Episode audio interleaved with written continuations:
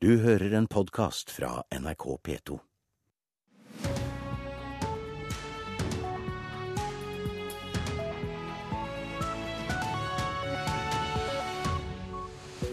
Resten av nyhetsbildet får du her i Nyhetsmorgen. I studio i dag, Øystein Heggen. Skarp internasjonal fordømmelse av drapet på et canadisk gissel på Filippinene. Norske Kjartan Sekkingstad holdes som gissel av samme terrorgruppe. Det blir neppe storkommuner i Ytre Nordmøre og Romsdal. Mer om folkeavstemningene får du også i Nyhetsmorgen. Hytter og NSB-sovevogner kan bli tatt i bruk for å huse musikerne i Berlinfilharmonien dersom det blir hotellstreik på Røros. Og velforening får likevel kommunal støtte til å føre rettssak mot staten om 22.07-monument. Det kommer skarp internasjonal fordømmelse etter drapet på et canadisk gissel på Filippinene. Islamistgruppa Abisayaf holder et tjuetall andre gisler, deriblant nordmannen Kjartan Sekkingstad. Halshogginga vekker avsky og redsle. Den canadiske statsministeren kaller handlinga kaldblodig drap.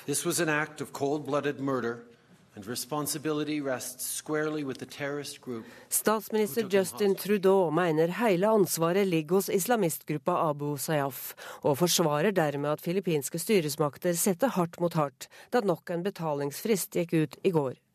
Det 68 år gamle gisselet fra Canada, John Wrightstell, er så vidt vi vet den eneste som er avretta. Han blei bortført for sju måneder siden sammen med nordmannen Kjartan Sekkingstad, en canadier til og ei filippinsk kvinne. Nordmannen dreiv et feriesenter der. Seks veker etter bortføringa kom en video med et krav om 21 millioner i løsepenger for hver. I den siste videoen sier Reitstell at det nå er snakk om en nedjustert sum på 6,4 millioner dollar for å unngå avretting den 25. i går. Lokalt politi forsikra om at alt skulle bli gjort for å redde mannen. Uh, Men to timer etter fristen skal to personer på en motorsykkel ha kasta fra seg det avkappa hovedet ved rådhuset i byen Holo. Det er ikke kjent hva som skjer med den norske Sekkingstad. Sigrun Slapgard eh, var reporter. Til eh, helgen kommer Berlinfilharmonien til Røros for å holde konsert i den gamle kirken. Konserten skal sendes direkte til en lang rekke land. Men streiken i hotell- og restaurantbransjen eh, vil ikke sette en stopper for konserten. På søndag vil klokkene igjen ringe i Bergstaden sier. Kirka fra 1784 i Røros har en ny stor dag foran seg. For på søndag 1. mai vil et av verdens største orkester ta plass og holde en direktesendt konsert. Men med innspurten kommer meldingen om streik i hotell- og restaurantbransjen. Hotellene på Røros blir ramma, og en kreativ produksjonsleder for konsert- og TV-produksjon, Bjørn Nesje, må ta tyren ved hornet. Vi så jo det her kom, eh, og eh, begynte å se på alternativ. Eh, så vi har jo vært med, i kontakt med, med hotell på den svenske sida, i tilfelle at det skulle bli full stopp. Vi har også sjekka ut med NSB om å få sovevogner opp til Røros. Her har de jo sidespor, så, så det hadde kunnet vært en, en, avhjelping. I tillegg så har det i løpet av helga nå ringt mange til vår administrasjon, der spesielt av hytteeiere, som sier at du, hytta vår, vi slår oss sammen med naboen, og så kan dere få låne hytta vår. Så streik eller ikke, her blir det konsert. Jeg kan berolige alle som har billett til denne konserten, at konsert blir det. Bjørn Nesjø, produksjonsleder for konserten, og reporter var Ståle Tonning. Alternativet med to store kommuner på Ytre Nordmøre og i Romsdal er trolig lagt dødt etter folkeavstemningen i går. De eneste kommunene dette fikk flertall i, var bysentrene i Molde og Kristiansund.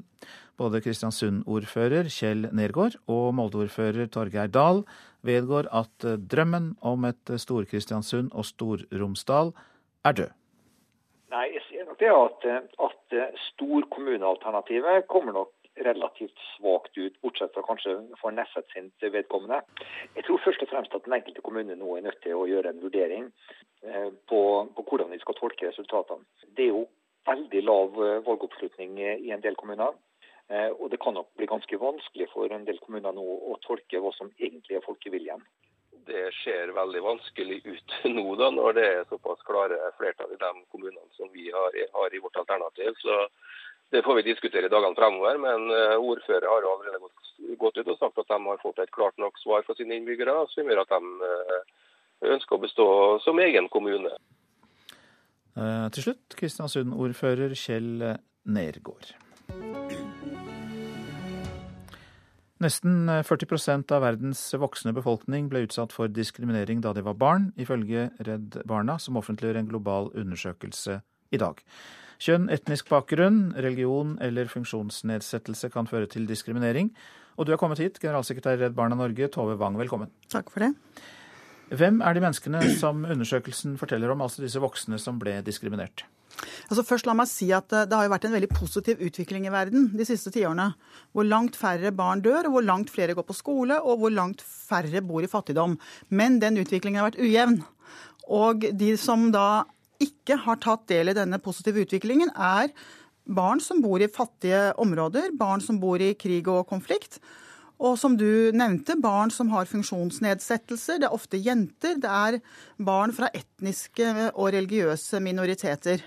Men det som er interessant her, er jo at det tydeligvis er voksne mennesker dere har eh, snakket med, som forteller om sin barndom. Altså, Vi har gjort to ting. Vi har gått ut og sett på hvilke barn er det som nå ikke har tatt del i denne positive utviklingen. Og så har vi gått ut og spurt voksne hva er deres forhold til diskriminering og ekskludering. Hvordan har dere opplevd det? Så vi har gjort to ting. Men har dere da fått inn mer informasjon enn dere ellers ville fått ved å ta med de voksne? Altså, Vi har fått inn folks holdning til diskriminering og ekskludering. Øh, fordi vi ønsker å gjøre noe med situasjonen, så trenger vi å vite mer om de barna som er diskriminert i dag. Og så trenger vi å vite om voksnes holdninger til diskriminering og ekskludering. Så vi har gjort to ting. Dette er jo da fakta dere har fått på bordet. Hva har dere tenkt å bruke dem til? Eh, ja, Nå har vi startet en kampanje eh, som skal gå over eh, tre år. Vi kaller den De glemte barna, eller De barna verden velger å glemme. Og vi skal eh, både i vårt eget arbeid i 120 land verden rundt jobbe for å løfte fram de barna som står bakerst i køen, og som ikke har tilgang til helse og utdanning. Og vi skal ansvarliggjøre de som faktisk har hovedansvaret, nemlig myndighetene i de enkelte land. Og vi skal bevisstgjøre folk flest på at de faktisk kan gjøre noe med diskriminering og ekskludering i sitt nærmiljø. Det gjelder også Norge. Sier denne rapporten også noe om eh, norsk bistand, altså om den eh, hjelper for å få barna på fote igjen etter diskriminering og dårlig behandling? Altså Det vi vet, er at norsk bistand er jo i dag i stor grad fokusert på de grunnleggende tingene, nemlig utdanning og helse. Og det er bra, og det må norske myndigheter fortsette med. Det de bør gjøre i tillegg, er å stille krav til de som mottar bistanden, og sørge for at det faktisk kommer til de som trenger det mest. Og etterprøve det, da. Og sørge for at det faktisk eh, fungerer. Men vi vet gjennom vårt praktiske arbeid at det er mulig å fokusere på å løfte fram de som har det aller verst. Men det det trenger spesielle tiltak og en politisk vilje for å få det til. Til slutt, Flyktningebarn er også med her. Blir de eh, oftere diskriminert enn andre? Hvordan er det i Norge på det punktet f.eks.? Altså, det er jo helt opplagt at flyktningebarn hører til den store gruppen barn som ikke får sine rettigheter innfridd verden over. Eh, det gjelder også i Norge. Eh, er man i Norge, så skal man ha rettigheter på linje med norske barn. Og det greier vi ikke helt når det gjelder flyktningebarna. Det har FN påpekt i flere runder, så vi må sørge for at de inkluderes på en bedre måte i Norge i dag. Mange takk skal du ha, Tove Wang, som altså da er generalsekretær i Redd Barna Norge. Nå skal jeg ta for meg avisen av det de har på forsidene. Verden vil ha mer atomkraft, er oppslaget i Aftenposten. Flere land tok avstand fra kjernekraftverk etter Fukushima-ulykken i Japan, men fem år senere er over 60 kraftverk under bygging i 15 land. Diskusjoner i forsvarskomiteen er lekket til et våpenfirma, sier Marit Nybakk fra Arbeiderpartiet til Klassekampen. Hun har knapt opplevd en verre lekkasje i sine 30 år på Stortinget, sier hun, og vil ta et oppgjør med det fra Stortingets talerstol i dag. Vi hører om eh, alkoholpress mot ungdom, men det er viktig å snakke om drikkepress mot voksne også, sier rusforsker til Vårt Land. Over halvparten av befolkningen mener det er for mye drikkepress, viser en undersøkelse gjort for rusfeltets samarbeidsorganisasjon Aktis. Mer til produksjon av storfekjøtt er et av hovedkravene i årets jordbruksoppgjør, kan vi lese i Nasjonen. Bondeorganisasjonene krever nærmere 21 000 kroner mer i støtte per årsverk på gardsbrukene. Disruptive Technologies fra Bergen vil revolusjonere hjemmet ditt, forteller Dagens Næringsliv. En sensorbrikke som kommuniserer via internett, skal kunne rapportere om alt fra fuktighet til bevegelser og temperatur. Gründerne har fått støtte av bl.a. alpinisten Aksel Lund Svindal. DNB-styret i strid med EU-regler er oppslaget i Dagsavisen, for eh, Anne Karin Tanum er også styreleder i fire andre selskaper. Og det er flere enn den europeiske banktilsynsmyndigheten tillater. Avisa har fått beskjed fra DNB om at styreleder Tanum ikke har noe mer å si om dette. Sykepleieren stjal pasientenes piller. Når de klaget over smerter, kjeftet han på dem og truet dem med juling. Det er Nordlys som forteller om den svenske nattsykepleieren som Statens helsetilsyn nå har politianmeldt og fratatt autorisasjon. Tilsynet retter også skarp kritikk mot Universitetssykehuset i Nord-Norge. Thomas ble vraket fra landslaget pga. etternavnet sitt, sier Petter Northug til Adresseavisen. Storebror mener lillebror må lide som en følge av forholdet mellom Northug-familien og Skiforbundet. Det er ingen i norsk langrennshistorie som har fått det så tilrettelagt som Petter Northug. Det er mitt eneste, eneste svar på dette, sier landslagssjef Vidar Løfshus til avisa. Vi fortsetter i sportens verden. To uker før VM i ishockey begynner, er landslagssjefen nemlig optimistisk. Det ligger an til at begge NHL-proffene Mats Zuccarello og Andreas Martinsen blir med til VM i Russland. Og det betyr mye, sier trener Roy Johansen. Det vil bety mye for laget at han kommer, både på isen og utenfor. Så det er en spiller som er eh, eh, veldig ønsket inn i laget. Så vi krysser fingrene for at ikke Rangers eh, legger noen problemer eh, i veien for deltakelse. Det norske landslaget vant sine to oppkjøringskamper mot Danmark sist helg. NHL-proffen Andreas Martinsen er på plass i laget. Han blir en viktig spiller i VM. Det er viktig for, for lille Norge i hockeysammenheng å få med alle spillerne som, er, som spiller ute i store ligaer. Og, og uh, Andreas er en, en, spiller som har hatt over 50 kamper i NHL nå, så det er klart uh, han er viktig for landslaget. Roy Johansen sier han har én stor bekymring før VM, og det er alle skadene. Det er flere av nøkkelspillerne som eh, sliter med småskader i øyeblikket.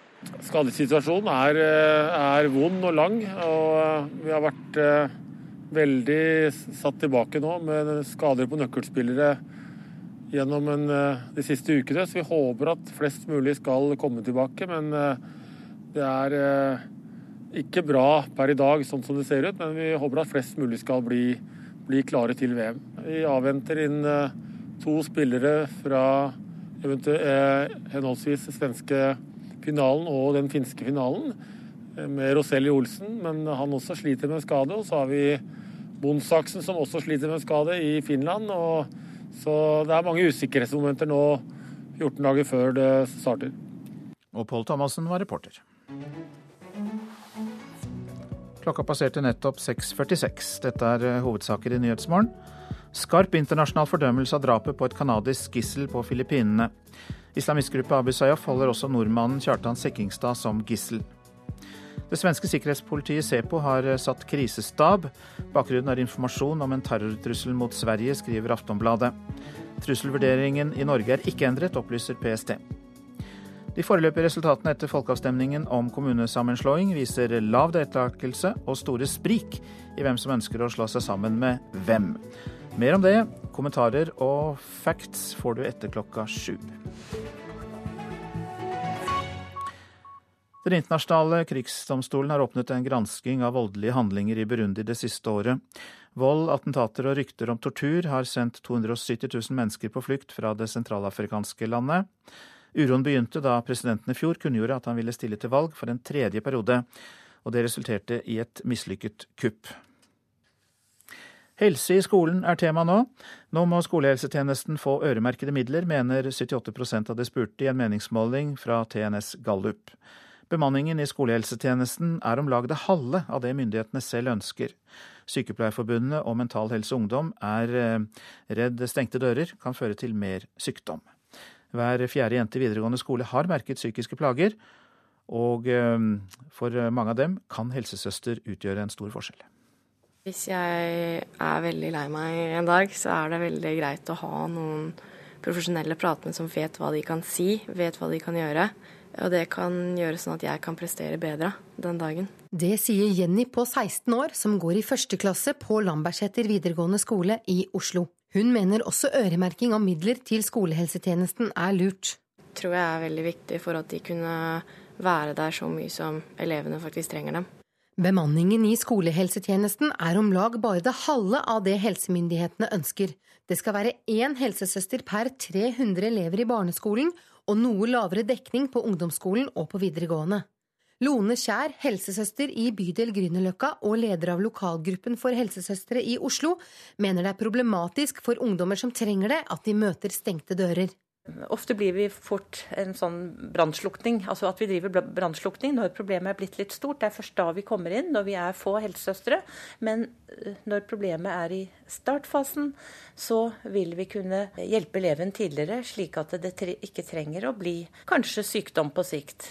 Kommunikasjonssjef i Mental Helse Ungdom, Adrian Lorenzon, støtter dette. Blant Mental Helse Ungdomsmedlemmer så er det en, en gjenganger. At mange opplever at de eh, gikk og ventet og ventet og ventet på å få hjelp, og først fikk hjelp når de hadde blitt ganske alvorlig syke. Det er helt avgjørende at man får hjelp med en gang. Vi vet at eh, når man har begynnende psykiske helseproblemer, så skal det ofte ikke veldig mye til for at man skal komme back on track, for å si det sånn. Konsekvensene med å få sen hjelp kan være store. For mange så resulterer dette i drop-out, og for mange så resulterer det at man sliter med å komme seg inn på arbeidsmarkedet. Vi ser at andelen unge uføre har økt i flere år pga. psykiske helseproblemer, og det er i hovedsak unge. Eli Gunhild By, forbundsleder i Sykepleierforbundet, sier at under 2% av skolene i landet har helsesøster på plass hver dag. Øremerking er altså den veien man må gå, for midlene har ikke blitt brukt riktig frem til nå. Regjeringen har siden 2014 gitt kommunene 200 millioner ekstra i året for å bygge opp skolehelsetjenesten, og i 2016 er 100 av disse øremerket. På spørsmål om de vil øremerke mer penger til skolehelsetjenesten, svarer statssekretær i Helse- og omsorgsdepartementet Lisbeth Nordmann slik.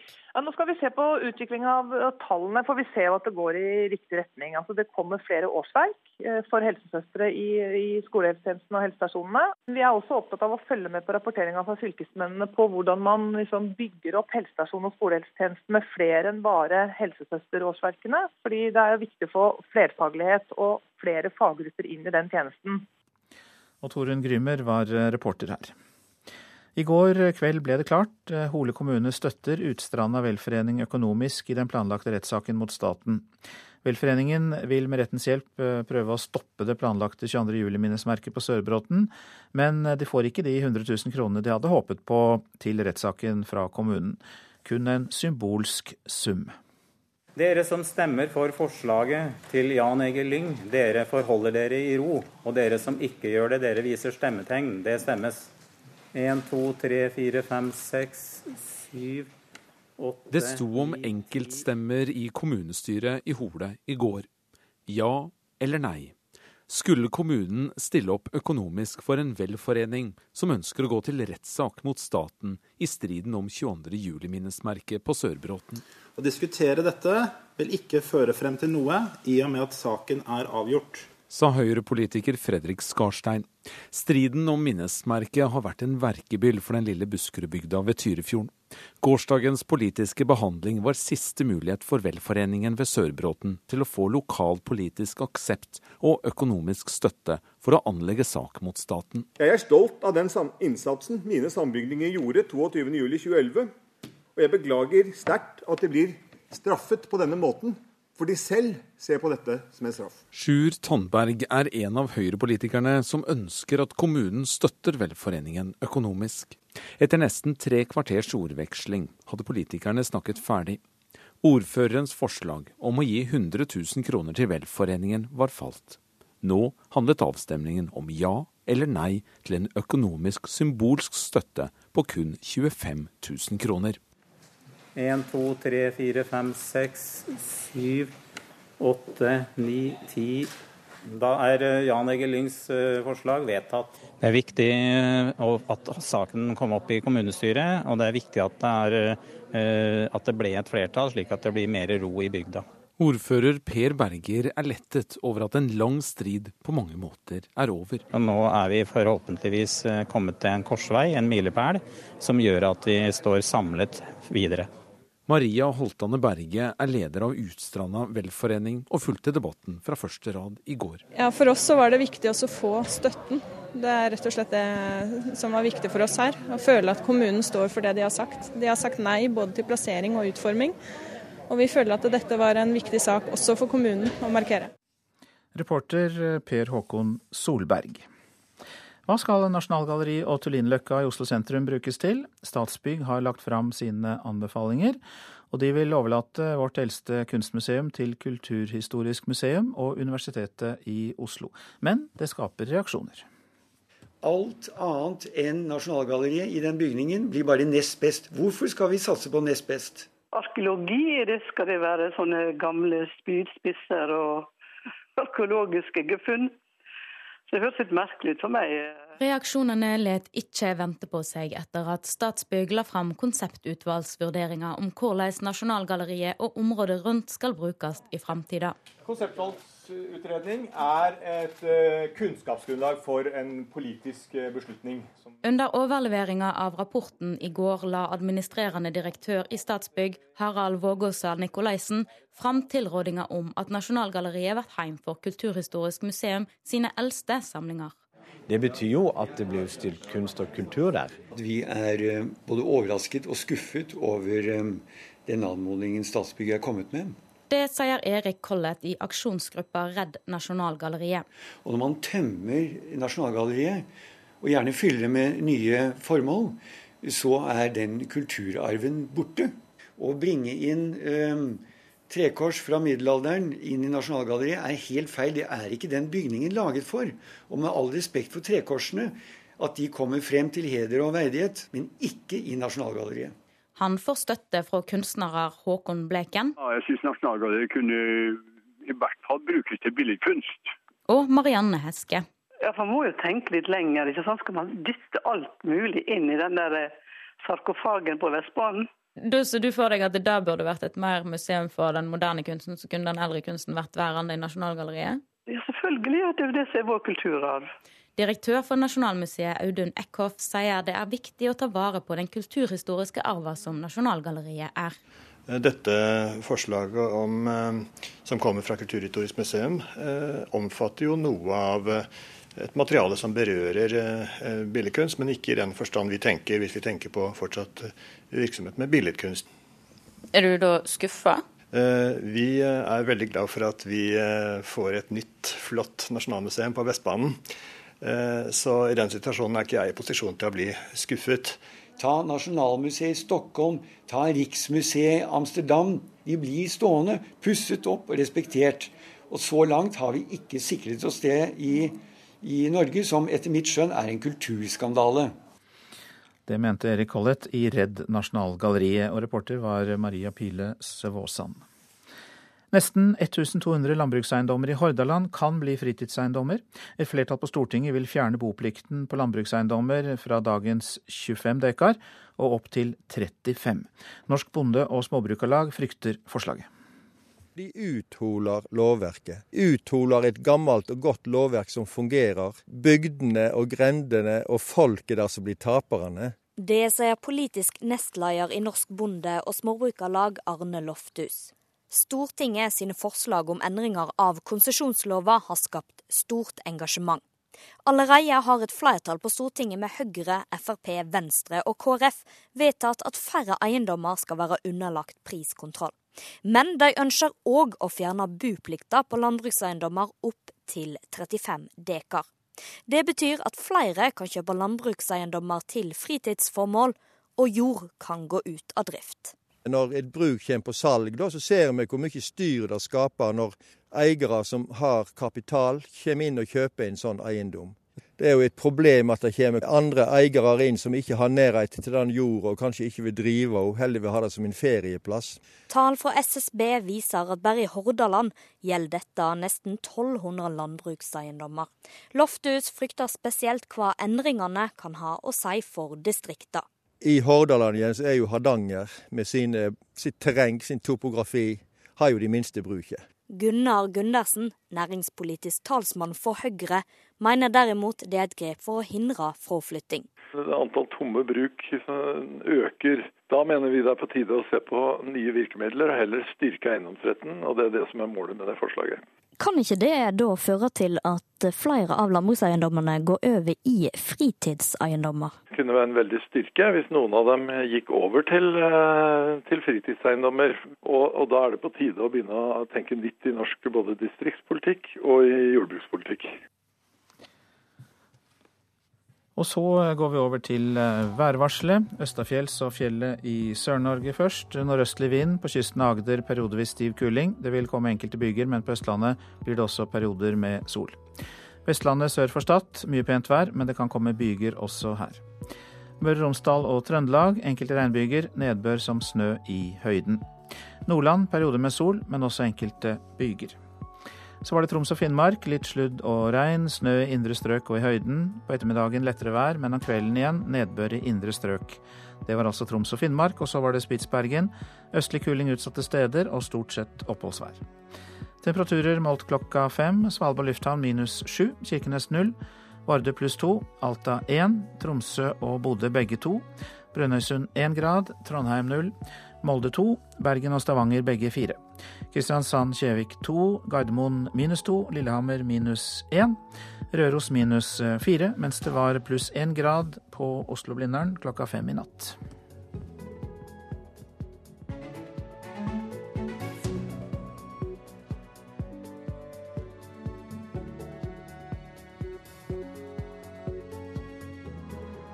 NRK P2.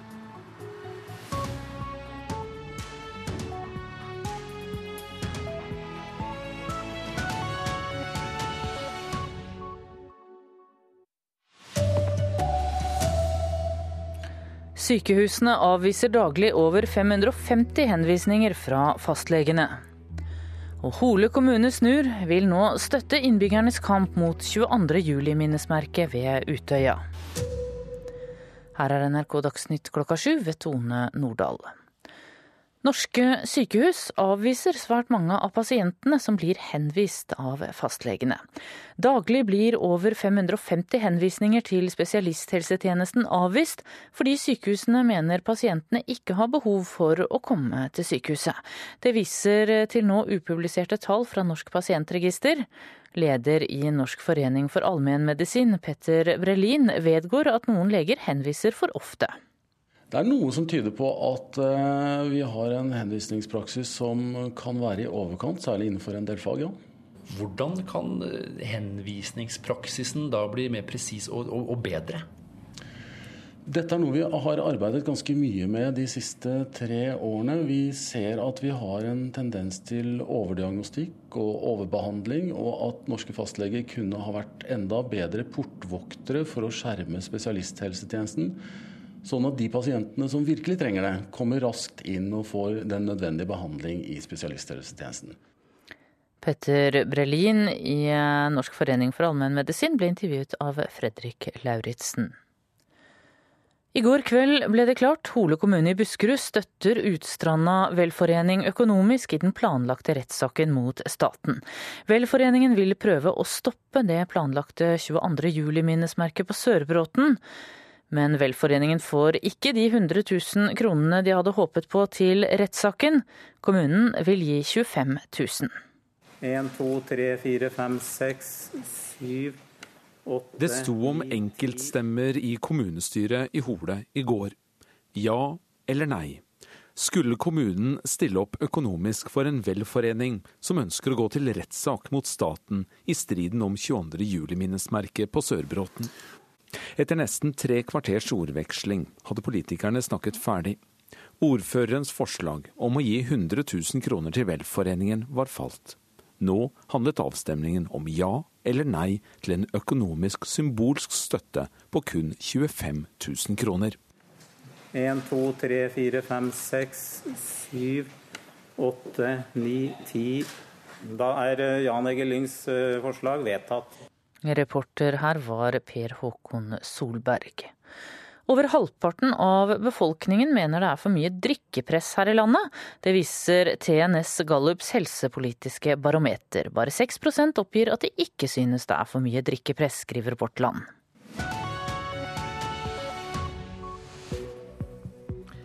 Sykehusene avviser nær 15 av henvisningene de får fra fastlegene, hørte vi i Dagsnytt. Mer om det her i Nyhetsmorgen også. Og vi gir deg resultater og kommentarer til folkeavstemningene om kommunesammenslåing i går. 30 år siden Tsjernobyl-ulykken, hvor godt rustet er vi i dag? Statens strålevern kommer hit. I Sør-Sudan venter alle på at visepresident og opprørsleder Rik Mashar endelig skal komme tilbake til hovedstaden. Kommer han, eller kommer han ikke?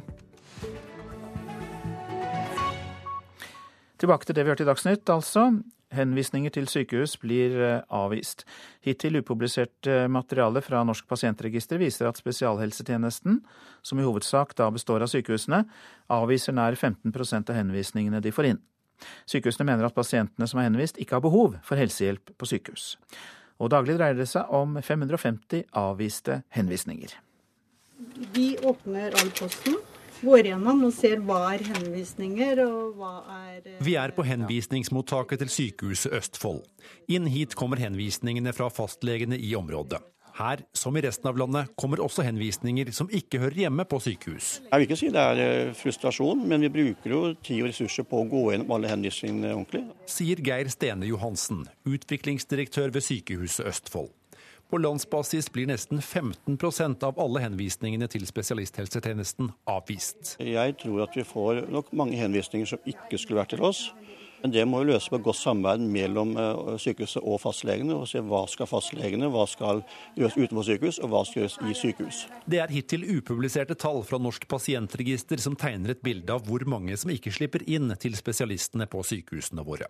Tallene er usikre, men en avvisningsprosent på 15 betyr over 550 avviste henvisninger hver dag. Det er noe som tyder på at uh, vi har en henvisningspraksis som kan være i overkant, særlig innenfor en del fag. ja sier leder i Norsk forening for allmennmedisin, Petter Brelin. Han mener fastlegene blir presset av både pasienter og presse, og redsel for å overse noe gjør at henvisningene kan sitte løst. Det er en frykt for at eh, man ikke har gjort en god nok jobb for pasienten. Eh, og det er en frykt for at man skal få represalier fra tilsynsmyndigheter. Hvordan kan eh, henvisningspraksisen da bli mer presis og, og, og bedre? Dette er noe vi har arbeidet ganske mye med de siste tre årene. Vi ser at vi har en tendens til overdiagnostikk og overbehandling, og at norske fastleger kunne ha vært enda bedre portvoktere for å skjerme spesialisthelsetjenesten. Sånn at de pasientene som virkelig trenger det, kommer raskt inn og får den nødvendige behandling i spesialisthelsetjenesten. Ved Sykehuset Østfold går enda en henvisning gjennom skanneren hos utviklingsdirektør Geir Stene Johansen. Altså det er vårt, våre fagmiljøer som går gjennom henvisningen og setter opp en frist for eh, tilbud ut fra en prioriteringsveileder. Og den tiden kunne vært brukt på andre ting dersom henvisningen er unødvendig? Ja, det kunne f.eks. vært brukt på pasientbehandling. Reporter var eh, Fredrik Lauritzen, og mer om dette kan du lese på våre nettsider nrk.no.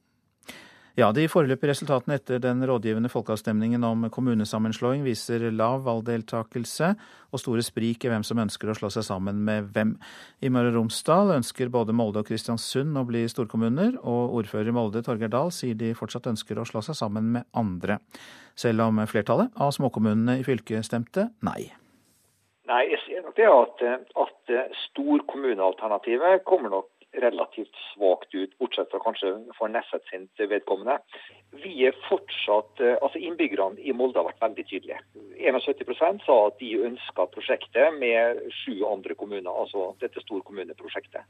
Og Så sier innbyggerne samtidig at hvis ikke det lar seg realisere, så sier 70% at da bør man tilby seg å gå sammen med de kommunene som er interessert i å skape en ny kommune sammen med Molde. Mange småkommuner vil ikke slå seg sammen, og valgdeltagelsen var lav mange steder. Det er fasiten etter at en rekke kommuner i landet stemte over kommunesammenslåing mandag. Molde ønsker altså å fortsatt se på sammenslåing med andre kommuner. I Rælingen kommune i Akershus sier et klart flertall nei til sammenslåing, og ordføreren i kommunen, Øyvind Sand, sier de tar det til etterretning. Det var et overveldende nei til eh, kommunesammenslåing. For det var på 85,2% nei og 13,7% ja. Innbyggerne har jo gitt, gitt, beskjed om at de, de, ønsker å ha et tjenestetilbud som, som, som vi gir i Reine kommune. Og det er vi politikerne da klare til å gi også framover. Og det vil si at vi kommer til å si nei til sammenslåing når vi gir vårt råd til Fylkesmannen. Og Torunn Grymer var reporter eh, her. Politisk kommentator i NRK Lars eh, Nehru Sand, god morgen til deg. God morgen. Det er jo tid for oppsummering av folkeavstemningene om kommunesammenslåing og det du og flere har kalt supermandag. Eh, lav deltakelse, nei til sammenslåing fra de små kommunene, ja i det store. Er det en grei oppsummering? Ja, Det er jo i grunnen det, og det er ikke så veldig overraskende heller. I småkommunene så har man da fryktet en forverring av tilbudet, og at man kanskje har mest å tape på dette. I de store kommunene så føler man tryggheten litt større ved at man er et sentrum uansett, og kanskje ikke har så mye å tape. Eh, og så ser vi at eh, engasjementet ikke er så stor, og om det da betyr at dette er ikke så viktig for meg, eller det er det samme, eller dette får noen andre avgjøre, det, det vil nok være veldig individuelt i, i de ulike kommunene. Eh, men der hvor det er en ekstra lav valgdeltakelse, på rundt 30% eller lavere, så kunne selvfølgelig en spørreundersøkelse, eh, hvis den var gjort skikkelig, vært vel så representativt. For det er jo en, en veldig liten svarandel.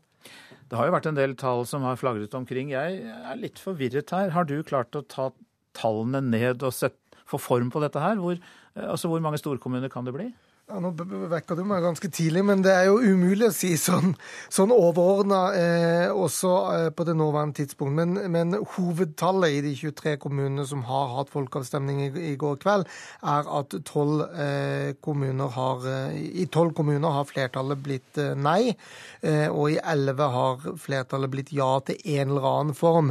men så er det da kanskje kun Eide og Fræna kommune uten Averøy, som man allerede nå kan se konturene av. Og de andre modellene som har vært ute uh, over det ganske land, er egentlig ganske vanskelig å si hva som skjer videre med.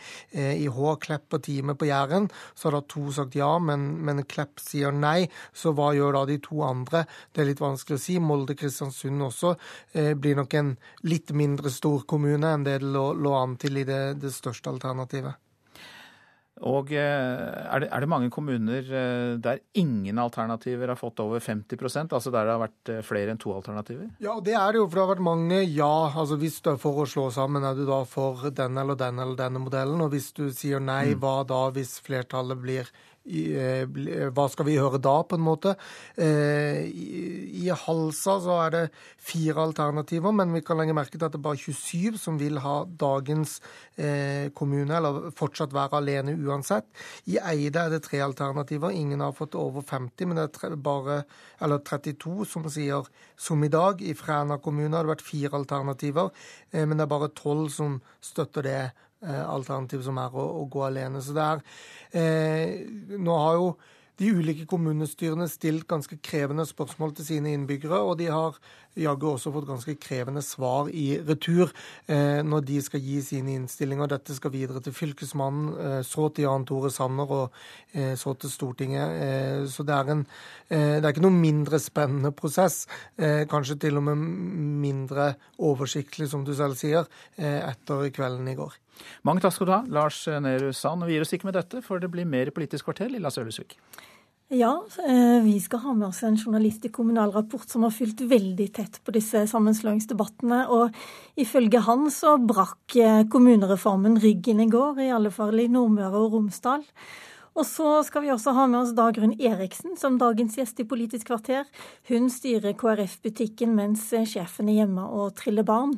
Og hun har klare planer for hvordan hun har tenkt å bruke makta si som partileder i disse tre månedene. Mer om dette om en drøy halvtime. I Sør-Sudan venter alle på at visepresident og opprørsleder Rik Mashar endelig skal komme tilbake til hovedstaden i dag for første gang siden borgerkrigen brøt ut for to og et halvt år siden. Han skulle ha kommet for lenge siden, og alle forsinkelsene ses på som et dårlig tegn for fred i borgerkrigen som har kostet tusener, titusener livet. Han kommer i morgen. Det har vært mantra hver kveld i flere uker i verdens yngste land. Men i dag er sjansene større, for i går landet Mashars toppgeneral med 126 elitesoldater og en del våpen. På flyplassen møtte de en velkomstkomité av høyere offiserer fra regjeringsstyrkene, selve fienden. De fleste opprørssoldatene så alvorlig ned. Vi så noen trykke hverandres hender, og et par fiender klappet hverandre på skuldrene, ga hverandre en forsiktig klem. Opprørssoldatene kom i går for at sikkerheten rundt Mashar skal være så god som mulig når han kommer senere i dag, slik mange tror. Men hva så? Per Persson stiller spørsmålet som landansvarlig for Norsk Folkehjelp i Sør-Sudan. Veldig få stiller nå spørsmålet 'hva så'? Bekymringa her er jo at forventningene er blitt skyhøye på at bare Riek Mashar kommer tilbake. Man får satt ned en samlingsregjering, og da skal alt ordne seg. Dette er et land som står på kanten av en økonomisk kollaps, hvor halve befolkningen står på grense til hungersnød. Og det er ingen quick fix her. Og jeg frykter at når store deler av befolkningen ikke får innfridd sine forventninger, så kan det gå gærent igjen. FN, USA og Norge og alle andre land som er direkte involvert i fredsprosessen i landet, forlanger at visepresident Mashar skal samarbeide med erkefienden, presidenten. Hele fredsavtalen fra august i fjor bygger på dette. Men om tilliten dem imellom er større nå enn før krigen de satte i gang, etter å ha slaktet ned hverandres tilhengere og lokalbefolkning i titusentall, det er ikke alle som tør håpe på. Det internasjonale samfunnet ble nok stilt litt ovenfor eh, fait accompli og måtte velge mellom pest eller kolera. Enten så måtte man få slutt på kamphandlingen og borgerkrigen. Det betydde da at de samme aktørene fra 2013 eh, måtte settes sammen igjen, og man måtte litt tilbake til start. Eh, alternativ to det var jo da å ikke akseptere partene og de samme aktørene, men eh, da ville krigen fortsette. Eh, et særdeles vanskelig og ubehagelig valg, men eh, internasjonale samfunnet har valgt den, den, løsningen her. Og vi krysser fingre og håper på at det skal gå bra. Reporter var Afrikakorrespondent Sverre Tom Radøy. Klokka har passert kvart over sju. Dette er eh, hovedsaker. Hver dag sier norske sykehus nei til hundrevis av pasienter som kommer med henvisning fra sin egen lege. I snitt blir over 550 henvisninger avvist daglig på sykehusene. Det svenske sikkerhetspolitiet ser på har satt eh, krisestab. Bakgrunnen er informasjon om en terrortrussel mot Sverige, skriver Aftonbladet. De foreløpige resultatene etter folkeavstemningene om eh, kommunesammenslåing viser lav valgdeltakelse og store sprik i hvem som ønsker å slå seg sammen med hvem. I dag er det 30 år siden atomkatastrofen i Tsjernobyl, men ulykken ble ikke kjent med en gang. Det gikk tre døgn før russerne innrømmet at det var en katastrofe. Og her skal vi høre Marit Christensen, som var korrespondent den gangen i Russland og rapporterte fra Moskva tre dager etter katastrofen. Det er ikke kommet noen flere opplysninger sentralt i Sovjetunionen, bortsett fra at radioen nå har kalt ulykken en katastrofe. Alle radio- og fjernsynssendinger går som normalt, og avisene har ikke et ord om ulykken i dag. Folk her i hovedstaden Moskva la knapt nok merke til meldingen som ble brakt langt ut i den sovjetiske dagsrevyen i går kveld. Heller ikke de mange vestlige ambassader, blant andre den norske, som i dag har henvendt seg til det sovjetiske utenriksdepartementet i Moskva, har fått flere detaljer og opplysninger. Det blir henvist til at det er opprettet en regjeringskommisjon som skal etterforske grunnene til ulykken. Finske turister som kommer tilbake fra Kiev, forteller at deres guide søndag opplyste at 25 000 mennesker i Kiev-området var evakuert allerede da. Nå sier svenske eksperter at det er livsfarlig å oppholde seg i en omkrets av 100 km rundt ulykkesstedet Tsjernobyl atomkraftverk. Det var rapporten fra 30 år tilbake. Astrid Liland, seksjonssjef i Statens strålevern, velkommen hit. Takk. Hvordan var Norge rustet til å takle en slik katastrofe den gang? Norge hadde ingen beredskap på plass til å takle denne typen ulykke. Man hadde tidligere målt eh, nedfallet fra prøvesprengninger av atomvåpen eh, i atmosfæren, men disse testene tok slutt utover 60-70-tallet, eh, og man la i grunnen ned den måleberedskapen man hadde, med tanke på at vi aldri skulle ha kjernekraft i Norge og derfor ikke trengte å ha en atomberedskap. Hvordan er det i dag? I dag har vi en eh, sterk tverrsektoriell atomberedskap som er bygget opp uh, over 30 eh, år siden Tsjernobyl-ulykken, og som stadig utvikles med tanke på det trusselbildet vi har i dag. Vi hørte akkurat om terrortrussel i Sverige. Dette er slike ting som vi er opptatt av, og vi mener at vi har en beredskap i dag som kan takle både den typen ulykker som Tsjernobyl var, men også um, f.eks. terrorbruk av radioaktive stoffer. Hvis du tenker eh, tilbake igjen, eh, hva ville ha skjedd hvis ikke svenskene slo alarm? For det var vel eh, de som fant ut av dette med Tsjernobyl aller først? Da ville det nok vært noen andre målestasjoner i andre europeiske land som hadde kjernekraftverk, som ville ha oppdaget det i etterkant. Men den gangen så hadde ikke Norge f.eks målestasjoner for radioaktivitet i luft. Det har vi jo siden bygget opp, så nå har vi over 30 stasjoner i Norge som vil gi et varsel hvis noe slikt vil skje en gang til. Nå oppsummert etter 30 år, hvilke følger har det fått eh, for Norge? Er det da spesielt eh, norske bønder som har lidd under dette? Ja, det er spesielt eh, bønder og reineiere i Midt-Norge som har måttet leve med konsekvensene. Og en del av de gjør fortsatt tiltak for å sørge for at melk og kjøtt eh, er eh, trygt for humant konsum. Og det betyr jo at de har levd med disse tiltakene og ekstraarbeid i forbindelse med ulykken nå i over 30 år. Og det er jo selvfølgelig en belastning for dem. Og når vil disse områdene være helt fri for radioaktivt avfall, hvis det er mulig? Eh, vi kan jo måle veldig, veldig små mengder av eh, radioaktivt eh, nedfall, så det kommer vi til å kunne måle i naturen i, i noen hundre år ennå. Men vi antar at når det gjelder tiltak i, i, for bøndene og reineierne, så er det kanskje fortsatt ti år hvor det vil være nødvendig med tiltak for å sikre kjøtt og melk til humankonsum. Interessant del av dette er jo at norske bønder har vært i Japan for å fortelle om uh, sin situasjon, altså til de som opplevde utslippet ved Fukushima. Ja, vi eh, har vært der nede og snakket med folk og prøvd å vise dem at det går fint an å fortsette å bo og produsere i eh, forurensede områder. Og at eh, hvis man har et godt forvaltningssystem på plass, så betyr det at man med litt ekstra innsats vil kunne fortsette å leve som før. Og de som vi hadde med ned dit, kunne gi da befolkningen i Fukushima et positivt fremtidsbilde, slik at man ikke tenker at dette skal være 30 år med lidelser, men etter et par år med litt forvirring før man finner ut av det, så vil man kunne fortsette å bo og produsere. Eh, og ikke da måtte legge områder brakk, slik vi har sett i andre land. Og til slutt, du kan forsikre oss om at eh, beredskap er bedre nå enn da? Det er helt sikkert at det er. Takk skal du ha, Astrid Liland, seksjonssjef i Statens eh, strålevern. Crowdfunding, eller folkefinansiering, hjelper unge palestinere i Gaza til å ta høyere utdanning og starte nye bedrifter, sine egne bedrifter. Folk som gir penger via nettet, gir nemlig muligheter og håp i et samfunn der arbeidsledigheten for unge er på 60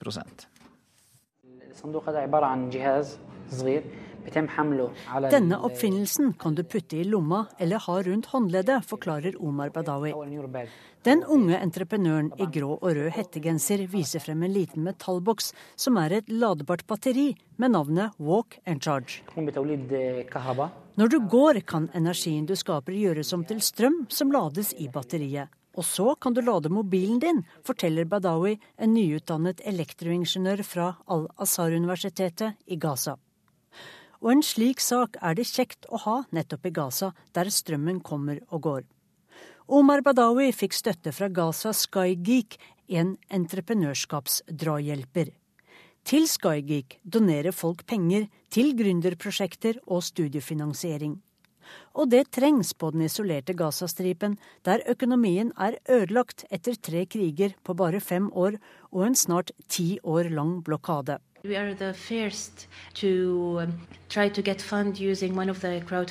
uh, Vi ligger i verdenstoppen når det gjelder crowdfunding, eller på norsk folkefinansiering. I 2014 f.eks. fikk vi inn 260 000 dollar, over to millioner kroner. For disse pengene har vi kunnet støtte entreprenører i et helt år, forteller Mai Temras til CCTV. Hun jobber som mentor på Gaza Sky Geeks kontor i Gaza by. Ifølge Palestinas statistiske sentralbyrå fullfører 30 000 palestinere universitetet hvert år. Men de har få eller ingen jobber å gå til. Verdensbankens rapport for 2015 viser at arbeidsløsheten for unge i Gaza er på 60% den høyeste i verden. Men selv om depresjon og håpløshet preger så mange her, og redselen sitter i etter de tre siste krigene, nekter unge ambisiøse palestinere å gi opp sine drømmer. Og hjelpen den kan være bare et tastetrykk unna. Vi får penger fra folk som tror på oss. De gir alt fra 10 til 250 dollar, sier studenten Hiba al-Hayek, som har fått støtte til å studere ved Stanford University i USA. Hva ellers har så denne folkefinansieringen ført til? For eksempel appen Maktabi, som er en Airbnb for folk som trenger kontor. Og Warak, et publiseringsnettsted der nye forfattere kan skrive og kanskje bli oppdaget. Og en app der Gazas hardt prøvede befolkning kan få kontakt med en psykolog. Og det var Sissel Wold som rapporterte der. Så tar vi for oss noen av forsidene i avisene. Verden vil ha mer atomkraft, er oppslaget i Aftenposten. Flere land tok avstand fra kjernekraftverk etter Fukushima-ulykken i Japan, men fem år senere er over 60 kraftverk under bygging i 15 land. Diskusjoner i forsvarskomiteen er lekket til et våpenfirma, sier Marit Nybakk fra Arbeiderpartiet til Klassekampen. Hun sier hun knapt har opplevd en verre lekkasje i sine 30 år på Stortinget, og vil ta et oppgjør med det fra Stortingets talerstol i dag. Vi hører om alkoholpress mot ungdom, men det er viktig å snakke om drikkepress mot voksne også, sier rusforsker til Vårt Land. Over halvparten av befolkningen mener det er for mye drikkepress, viser en undersøkelse gjort for rusfeltets samarbeidsorganisasjon Aktis. Disruptive Technologies fra Bergen vil revolusjonere hjemmet ditt, forteller Dagens Næringsliv. En sensorbrikke som kommuniserer via internett skal kunne rapportere om alt fra fuktighet til bevegelser og temperatur. Gründerne har fått støtte av eh, bl.a. alpinisten Aksel Lund Svindal. DNB-styret i strid med EU-regler er oppslaget i Dagsavisen, for eh, Anne Karine Tanum er også styreleder i fire andre selskaper.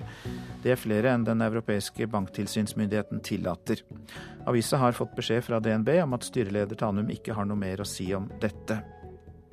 Sykepleieren stjal pasientenes penger. Når de klaget over smerter, kjeftet han på dem og truet dem med juling. Det er Nordlys som forteller om den svenske nattsykepleieren som Statens helsetilsyn har politianmeldt og fratatt autorisasjon. Tilsynet retter også skarp kritikk mot Universitetssykehuset i Nord-Norge. Thomas ble vraket fra landslaget pga. etternavnet sitt. Det sier Petter Northug til Adresseavisen. Storebror mener lillebror må lide som en følge av forholdet mellom Northug-familien og Skiforbundet. Det er ingen i norsk langrennshistorie som har fått det så tilrettelagt som Petter Northug. Det er mitt eneste svar, sier landslagssjef Vidar Løfshus. Vold mellom ektefeller og i familier har økt. Regjeringen vil forebygge slik vold i nære relasjoner, og siden 2014 er det opprettet sju familievernkontorer med spesialkunnskap. Ett er i Drammen, der de holder sinnemestringskurs. Jeg har egentlig siden jeg var liten hatt problemer med å kontrollere eh, min ilske. Og jeg har vært i en relasjon i mange, mange år. og under den tiden så har jeg hatt noen episoder som gjort min partner redd. Han ønsker å jobbe med en endring i livet. Det får han her i ei sinnemestringsgruppe på familievernkontoret i Drammen. Vi har jobbet med den sinneskalaen, og da kan man også tenke litt sånn på det språket. Da, for at ja, nå kjenner jeg jammen at jeg er litt irritert. Oi, da er jeg på en ener. det er frukt på bordet, og de sju mennene på gruppa får et kurs på 30 timer. Det skal få dem til å endre tankemønsteret sitt, sier Anne Wahl, som har tatt spesialutdanning for å lede gruppa. De lærer om hvordan hjernen fungerer, hvordan kroppen reagerer. Vi jobber med noe sinnesirkel som viser litt denne sammenhengen mellom situasjon, tanke, følelser og atferd og hvordan de kan bryte den. Så det er jo veldig sånn fokus på hvordan liksom komme seg ut av de negative eh, situasjonene man står i. da. Hvem er det som går på disse sinnemestringsgruppene? Det er eh, litt forskjellig. Noen går fordi de tenker at dette utgjør et stort problem eh, i livet mitt. Vi ønsker å gjøre noe med det. Andre tenker at nå må jeg gjøre det, ellers ryker eh, forholdet. Mm. Noen har blitt oppfordret fra andre instanser, som f.eks. barnevern eller politi. Hun tok opp det med meg og ga meg mer eller mindre et ultimatum og sa at uh, vi har ingen barn. Men hun sa at uh, om vi noen gang skulle få det, så ja, kan hun ikke være, hun kan ikke være sammen med meg. Og det fikk meg til å begynne tenke. Men Lasse har barn. Også han går på kurs for å få en endring. Har vært litt for, litt for brå med, med, barna, i hvert fall minstemann, som er to år nå. Det har gått litt fort i svingene. Så må lære å holde litt igjen. Er det noen hjemme hos deg som har vært redd for deg? Ja, jeg tror de har vært litt redde når jeg har vært grinete og høylytt. Eh, dette er ikke bare hjemme. Jeg har slitt litt med det arbeidslivet og jeg har vært litt for brå i tonen. Så jeg må lære meg å leve litt. Norge er et foregangsland på et slikt behandlingstilbud. Og selv om det enda ikke finnes noe entydig svar på om tiltakene har ført til mindre vold her i landet, så viser kursene gode resultater for de som gjennomfører, sier Anne Wahl. Det er en stor andel som slutter med vold og er uten vold fire til sju år etter at de har gjennomført kursene. Og det gjelder både fysisk og psykisk. Så er det jo selvfølgelig ulikt, men det er mange som endrer og gjør store framskritt ganske fort. Og det er interessant. Og Reportasjen var laget av Karoline Bekkelund Hauge. Du lytter til Nyhetsmorgen, og produsenten vår i dag er Kari Bekken Larsen. Her i studio, Øystein Heggen. En av pilotene på et av de fryktede dødsflyene i Argentina under diktaturet er innhentet av fortiden. Det kan du høre mer om i reportasjen etter Dagsnytt.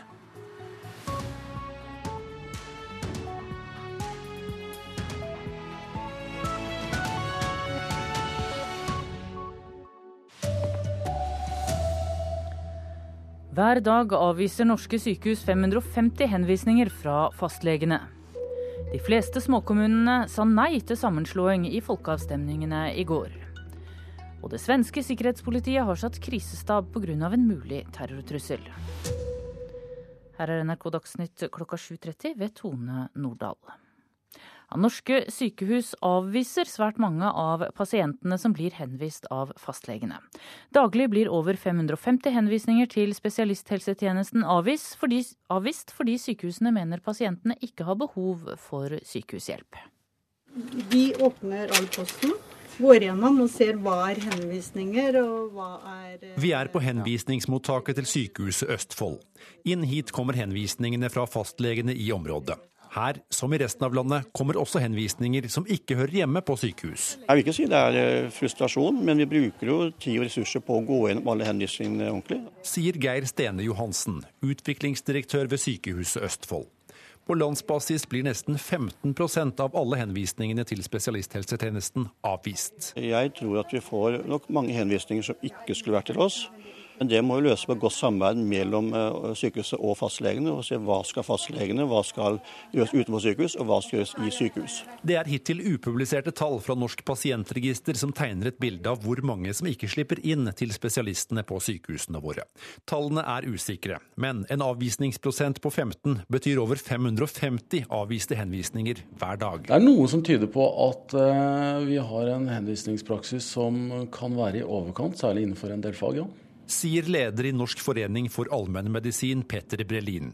Han mener fastlegene blir presset av både pasienter og presse, og redsel for å overse noe gjør at henvisningene kan sitte løst. Det er en frykt for at eh, man ikke har gjort en god nok jobb for pasienten. Eh, og det er en frykt for at man skal få represalier fra tilsynsmyndigheter. Ved Sykehuset Østfold går enda en henvisning gjennom skanneren hos utviklingsdirektør Geir Stene Johansen. Han ser at sykehuset kunne brukt tiden annerledes dersom henvisningene er unødvendige. Ja, Det kunne f.eks. vært brukt på pasientbehandling. Reporter her Fredrik Lauritzen. Og du kan lese mer om denne saken på nrk.no. Mange småkommuner her i landet vil ikke slå seg sammen, og valgdeltagelsen var lav mange steder. Det er fasiten etter at en rekke kommuner stemte over kommunesammenslåing i går. I Møre og Romsdal ønsket både Molde og Kristiansund å bli storkommuner, men flesteparten av de små kommunene i fylket sier nei. Dermed blir det trolig ikke noe av planene om to storkommuner der, sier Molde-ordfører Torgeir Dahl. Nei, jeg sier nok det at, at storkommunealternativet kommer nok relativt svakt ut, bortsett fra kanskje for nesset sin vedkommende. Jeg tror først og fremst at den enkelte kommune nå er nødt til å gjøre en vurdering eh, på, på hvordan de skal tolke resultatene. Det er jo veldig lav eh, valgoppslutning i en del kommuner. Og det kan nok bli ganske vanskelig for en del kommuner nå å tolke hva som egentlig er folkeviljen. Og på Jæren sier innbyggerne i Hå og Klepp kommuner nei, mens i Time ble det ja-flertall til sammenslåing. Så til Akershus, der sier 85% av innbyggerne i Rælingen kommune nei til sammenslåing, forteller ordfører Øyvind Sand. Det var et overveldende nei til eh, kommunesammenslåing. For det var på 85,2 eh, nei og 13,7% ja. Hva tenker du om det? Vi har fått en klar beskjed om at uh, befolkningen ønsker, uh, ønsker et uh, tjenestetilbud som vi gir. Og det tjenestetilbudet har vi lyst til å gi framover også. Det svenske sikkerhetspolitiet har satt beredskapsstab etter at de mottok informasjon om en terrortrussel, skriver Aftonbladet. Politiet bekrefter at de jobber med å vurdere informasjonen de har fått. Ifølge avisen Aftonbladet har det kommet en terrortrussel mot Sverige, som har ført til at det svenske sikkerhetspolitiet har satt stab. Informasjonen er av en slik art at vi ikke kan overse den, sier Simon Bynert ved Sepos presseavdeling. Men han vil ikke bekrefte at det dreier seg om en trussel. Du mener at du kan ikke bekrefte at det er det det handler om? Nei, nei det kan jeg ikke gjøre, tror jeg. Denne informasjonen bedøms være sånn at vi ikke har kunnet avferde den så her langt. Sepo vil ikke bekrefte når de fikk informasjonen, eller om noen personer er mistenkt eller pågrepet. Heller ikke Sveriges innenriksminister vil overfor avisen Ekspressen kommentere informasjonen, og viser til Sepo. På spørsmål om det er grunn til å være ekstra oppmerksom, svarer Bynert at det beste er å følge politiets råd og anvisninger. Når det gjelder liksom spørsmål om, om, om, sikkerheten på gater og torg, så, så, råder vi allmennheten å følge polisens anvisninger, helt enkelt. Enn så lenge heves ikke trusselnivået i Sverige, men blir liggende på et forhøyet nivå, ifølge Aftonbladet. Reporter Kristine Næss Larsen og Katarina Helmersson fra Sveriges Radio. PST vil foreløpig si noe om trusselnivået i Norge etter informasjonen fra Sverige. I dag er det 30 år siden atomkatastrofen i Tsjernobyl. Norge fikk vite om ulykken først etter tre dager pga. svenske målinger. I dag er Norge langt bedre rustet, sier Astrid Liland, seksjonssjef i Statens strålevern. I dag har vi en eh, sterk tverrsektoriell atomberedskap som er bygget opp eh, over 30 eh, år siden Tsjernobyl-ulykken, og som stadig utvikles med tanke på det trusselbildet vi har i dag. Vi hørte akkurat om terrortrussel i Sverige. Dette er slike ting som vi er opptatt av, og vi mener at vi har en beredskap i dag som kan takle både den typen ulykker som Tsjernobyl var, men også eh, f.eks. terrorbruk av radioaktive stoffer. Skolehelsetjenesten må få øremerkede midler over statsbudsjettet for å sikre nok hjelp til elevene. Ja, det mener 78% av de spurte i en undersøkelse fra TNS Gallup. Bemanningen i skolehelsetjenesten er i dag bare det halve av det helsemyndighetene ønsker. Hvis jeg er veldig lei meg en dag, så er det veldig greit å ha noen profesjonelle pratende som vet hva de kan si, vet hva de kan gjøre. Og det kan gjøre sånn at jeg kan prestere bedre den dagen. Det sier Jenny på 16 år, som går i første klasse på Lambertseter videregående skole i Oslo. Lone Kjær, helsesøster i bydel Grünerløkka og leder av lokalgruppen for helsesøstre i Oslo, mener det er problematisk for ungdommer som trenger det, at de møter stengte dører. Ofte blir vi fort en sånn brannslukning, altså at vi driver brannslukning når problemet er blitt litt stort. Det er først da vi kommer inn, når vi er få helsesøstre. Men eh, når problemet er i startfasen, så vil vi kunne hjelpe eleven tidligere, slik at det ikke trenger å bli kanskje sykdom på sikt. Eli Gunhild By, forbundsleder i Sykepleierforbundet, sier at under 2% av skolene i landet har helsesøster på plass hver dag. Øremerking er altså den veien man må gå, for midlene har ikke blitt brukt riktig frem til nå. Regjeringen har siden 2014 gitt kommunene 200 millioner ekstra i året for å bygge opp skolehelsetjenesten, og i 2016 er 100 av disse øremerket.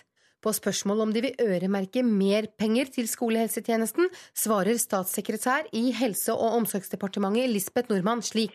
Ja, nå skal vi se på utviklinga av tallene, for vi ser jo at det går i riktig retning. Altså, det kommer flere årsverk eh, for helsesøstre i, i skolehelsetjenesten og helsestasjonene. Reporter her Torunn Grymer. Hotellstreiken her i landet er nå inne i sitt tredje døgn, og på lørdag blir den utvidet. Da kommer nesten 6000 hotell- og restaurantarbeidere til å være i streik. Røros får eh, til helga besøk av Berlinerfilharmonikerne, og arrangøren har jobbet intenst med å skaffe alternative overnattinger dersom hotellene i Bergstaden måtte stenge. Dette er et prosjekt som vi har jobba med gjennom to år. Og det er en live sending, fjernsyn, som går ikke bare til Norge, men live i Tyskland, live i Tyrkia, live i Kina, live i Japan. På søndag vil klokkene igjen ringe i Bergstaden, sier. Kirka fra 1784 i Røros har en ny stor dag foran seg. For på søndag 1. mai vil et av verdens største orkester ta plass og holde en direktesendt konsert. Men med innspurten kommer meldingen om streik i hotell- og restaurantbransjen. Hotellene på Røros blir ramma, og en kreativ produksjonsleder for konsert- og TV-produksjon, Bjørn Nesse, må ta tyren ved hornet. Vi så jo det her kom, eh, og eh, begynte å se på alternativ. Eh, så vi har jo vært med, i kontakt med, med hotell på den svenske sida i tilfelle at det skulle bli full stopp. Vi har også eh, sjekka ut med NSB om å få sovevogner opp til Røros. Her har de jo sidespor, så, så det hadde kunnet vært en, en, avhjelping. I tillegg så har det i løpet av helga nå ringt mange til vår administrasjon, der spesielt av hytteeiere, som sier at du, hytta vår, vi slår oss sammen med naboen, og så kan dere få låne hytta vår.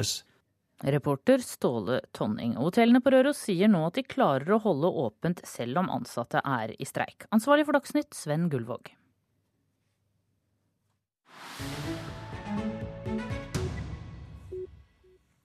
Du lytter til eh, Nyhetsmorgen. Han var en av pilotene på de fryktede dødsflyene under diktaturet i Argentina. I mer enn 30 år har han vært på flukt. Nå er Juan Carlos Bossi innhentet av Interpol og fengslet i Colombia. Det skjer nesten lydløst. En mann blir eskortert gjennom en korridor. Han ser ned i gulvet, er bleik og svekka, bærende på ei oksygenflaske han er kobla til gjennom en plastslange. For Interpol er dette en etterlengta fangst. El ciudadano eh, argentino se llama Juan Carlos Francisco Bossi. Eh, Hans egentlige navn er Juan Carlos Bossi, og han er fra Argentina, forteller politisjefen i den colombianske byen Medellin. I de siste to åra har den nå arresterte mannen rangert i rødt på toppen av Interpols liste over ettersøkte. Eh, tiene notificación roja de Interpol publicada por ese país. Es una de las personas más buscadas a nivel internacional Argentina vil ha han utlevert, og flere menneskerettsorganisasjoner har hjulpet til i arbeidet med å lokalisere denne mannen, en av Latin-Amerikas mest ettersøkte. I over 30 år har han vært på flukt, for denne mannen var en av de berykta dødspilotene. En pilot som tok unge studenter ut på sin siste flyreise. Og denne nå så tause og slitne 67-åringen var ingen hvem som helst. Han kalla seg doktoren den gangen på 70-tallet, da han utførte sine brottsverk. Han skal ha ynda å kle seg i ei hvit frakk og kvele unge ofre med blodtrykksmåleren han bar på. Juan Carlos Bossi blei kjent for sine perverse vaner. Han gjorde mer enn å følge ordrer, har vitnet fortalt. Etter militærkuppet i Argentina i 1976 kvitta regimet seg med uønskede studenter og venstreradikale ved å slippe dem ut fra fly over Rio del Mar, de såkalla dødsflya. Ungdommene var dopa ned før avreise til flyplassen, og før de gikk om bord fikk de sprøyte nummer to. Bare et fåtall av lika dreiv i land. De fleste forsvant. Bossi stakk av fra familie og land og kom seg med falskt navn til Barcelona. Der levde han med dekknavn i over 20 år. Med tida kom kanskje heimlengten. I 2011 tror Interpol at han tok seg inn i Colombia fra Panama, igjen på falske papir. Bossi skal ha lungekreft, men har levd et brukbart liv i et av Medellins beste stråk de siste par åra. Han hadde minst fem ansatte i den store bostaden. I halvannet år nå har colombianske Interpol-agenter overvaka doktoren i Medellin. De venta på en sjanse til sikker identifikasjon og følgde med til legen. Der måtte dødspiloten svare på spørsmål fra den ekte doktoren, og røpa deretter sitt argentinske opphav. Nå venter avhør og formaliteter før han kan bli utlevert til Argentina. I Buenos Aires venter også bestemødrene til de unge som forsvant, og de gjenfunne barna som ble stjålne fra de drepne. Det er mange som gjerne vil sitte på benkene i rettssalen og se dødspiloten stå til rette for sine ugjerninger. Men med utleveringa av Bossi kan det ta lang tid. Det kan ta så lang tid som åtte måneder, og nå er det dødspiloten som har det travelt. Han har kanskje ikke lang tid igjen, og han har bedt om å bli utlevert omgående. Jeg vil se familien min før jeg dør, skal han ha sagt til avisa Herald i Buenos Aires. Det er et ønske fjernt fra slik han sjøl tenkte da han tok unge liv for 30 år siden.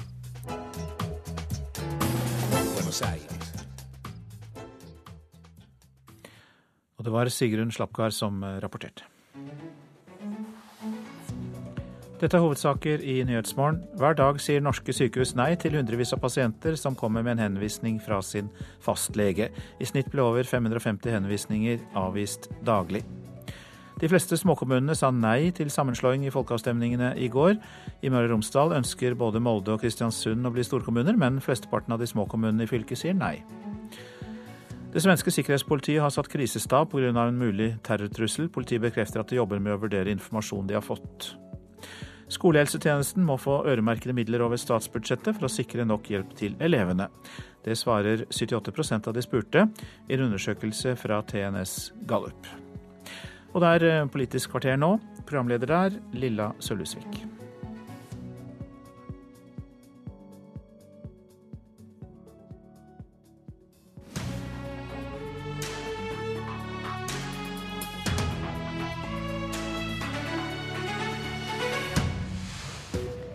Storbyene ville så gjerne, men småkommunene sa nei til å være med Molde og Kristiansund. I går brakk kommunereformen ryggen i Nordmøre og Romsdal, mener vår ekspert. Og hun fungerer som partileder i, for en partileder i pappaperm.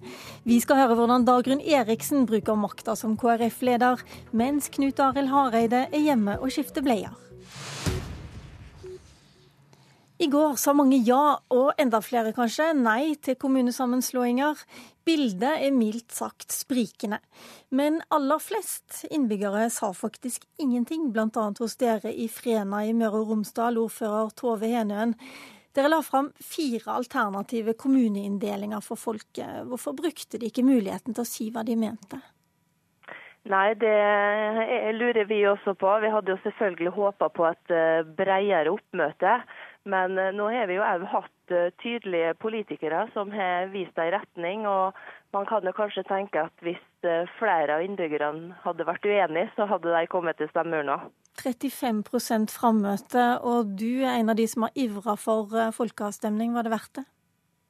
Ja, jeg syns det. Jeg syns det er viktig at folket får lov å si sin mening. Det er en viktig avgjørelse for framtida, og da syns de det er viktig at de skal få lov å si hva de mener om det.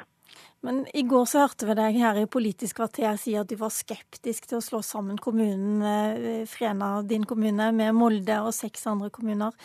Selv vil du ha en mindre kommune. Og i hvert fall så var folket ditt enig med det, da. De vil heller ikke gå sammen med Molde. Nei, og det er i tråd med det vi fikk i opplysninger i innbyggerundersøkelsen vår i fjor. Da ville veldig mange til nabokommunen og nesten ingen til storkommunealternativet. Men nabokommunen, den vil de ha? Nabokommunen har vi et veldig nært eh, samarbeid allerede i dag, så det er vi veldig positive til. Jan Inge Krasli, du er journalist i Kommunal Rapport, og det er utrolig vanskelig å lage et sånn stort bilde over alle de avstemningene, de 22 avstemningene som var i går.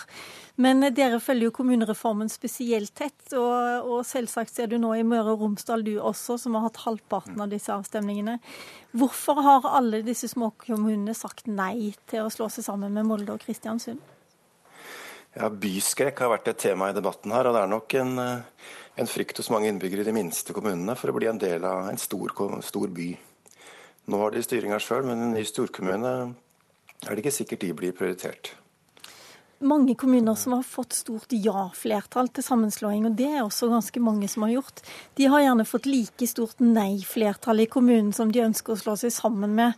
Og det gjelder jo f.eks. den kommunen som du er i nå, Nesset. Eh, hva gjør man da egentlig? Hva gjør man når Sunndal, eh, som de ønsker å slå seg sammen med, sier nei, og Nesset sier ja? Der forsvant Jan Inge Krosli for oss. Jeg kan jo spørre deg, eh, Tove Henøen, er du sammen med oss eh, fortsatt? Ja, da er det Hva gjør man når det ikke er noe klart bilde, egentlig? Nei, det, det, er klart at det gjør det litt vanskelig. Eh, man har jo et alternativ å sondere litt videre med den som man har fått størst gehør med innbyggerne på. Og så syns de at man må respektere det den enkelte kommune også har sagt. Krossli, er du sammen med oss igjen? Er du med oss? Ja da, nå er jeg med. Det er veldig bra. Hva tenker du Nesset skal gjøre når Sunndal, som de ønsker å slå seg sammen med, og der var det et klart flertall i Nesset, men like klart i Sunndal at de sier nei? Mm.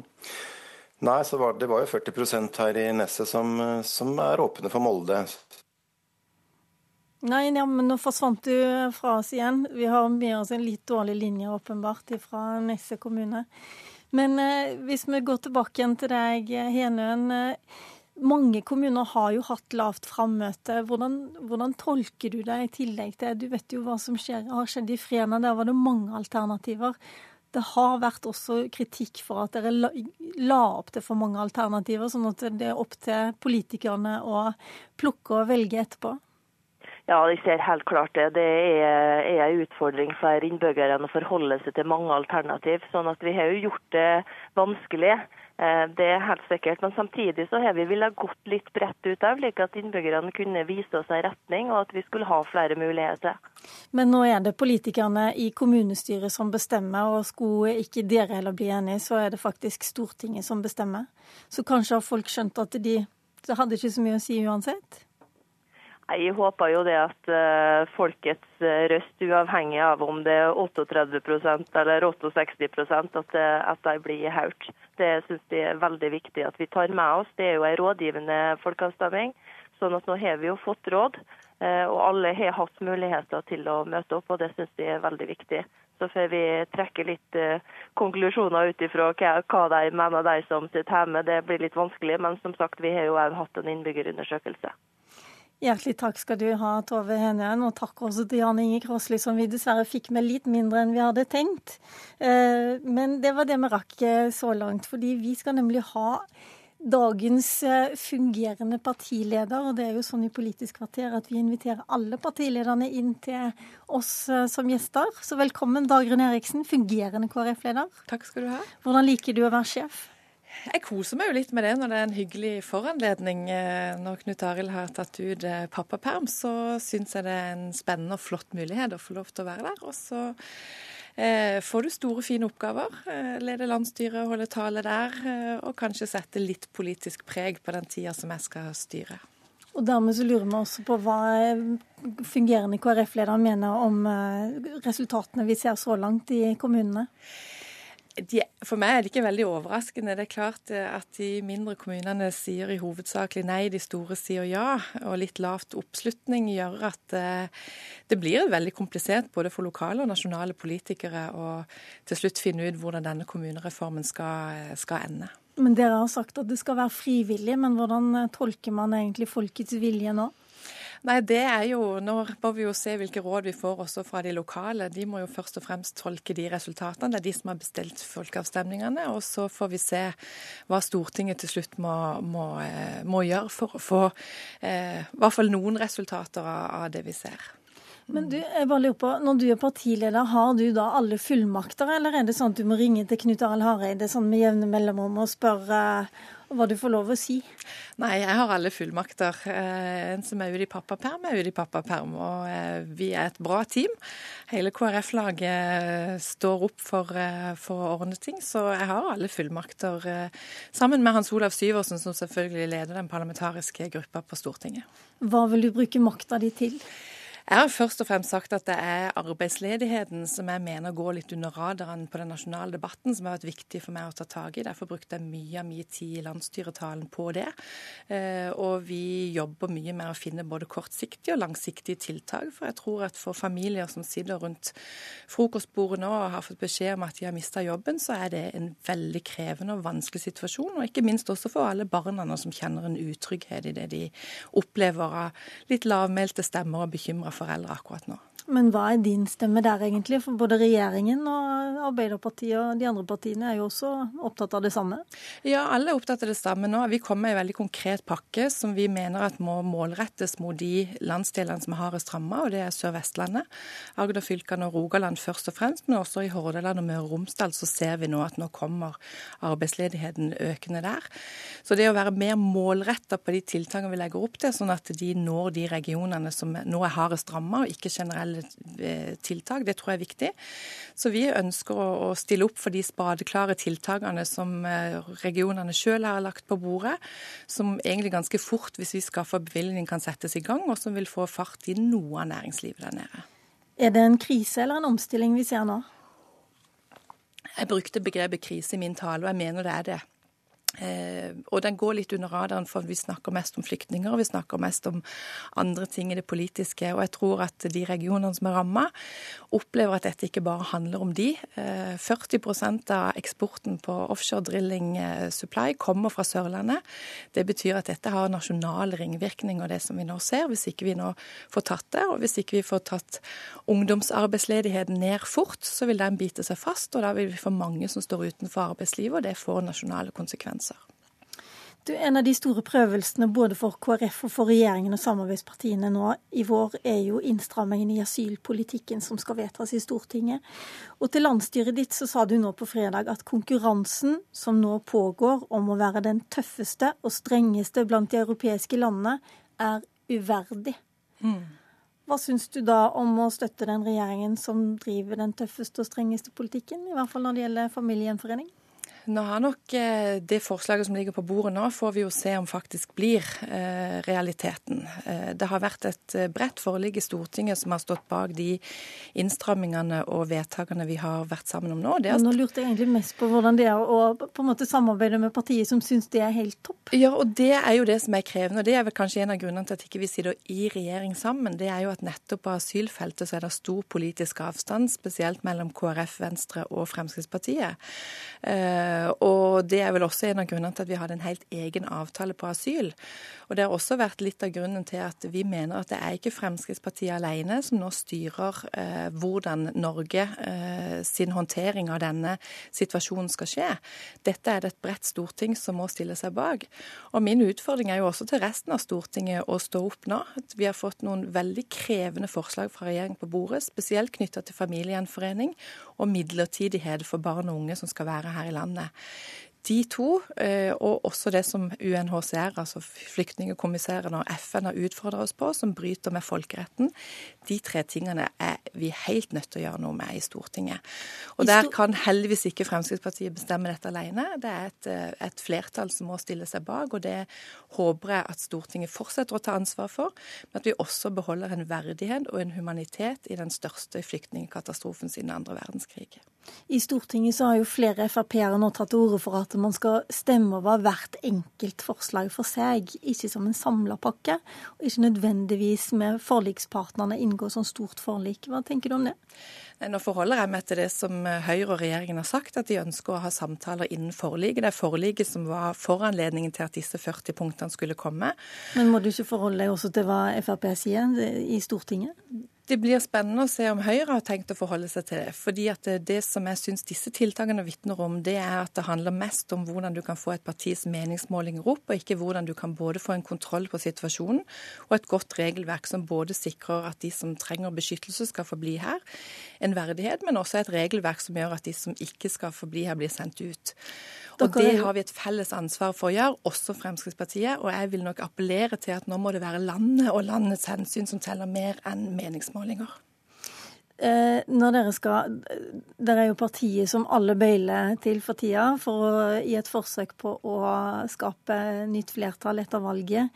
Og hva er det som blir de viktigste sakene for KrF? Vi har nevnt asylinnstrammingene. En annen sak er kontantstøtten.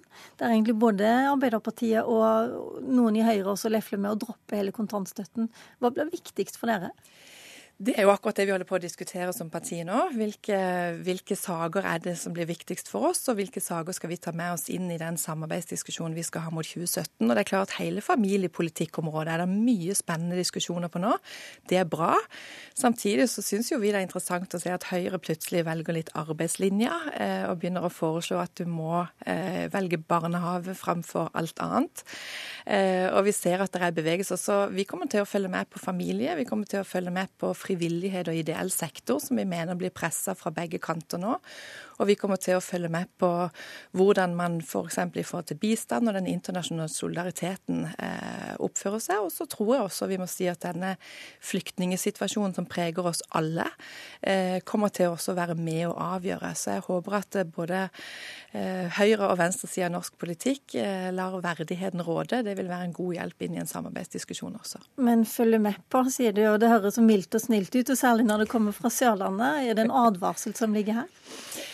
Vi har sagt at det viktigste er egentlig ikke hvem vi samarbeider eh, med, men hva vi samarbeider om. Eh, er, vi er i politikken for å forandre verden, eh, og da er det det som først og fremst kommer til å være avgjørende. Og særlig når du er et sentrumsparti som kan samarbeide i realiteten både sentrum høyre og sentrum venstre.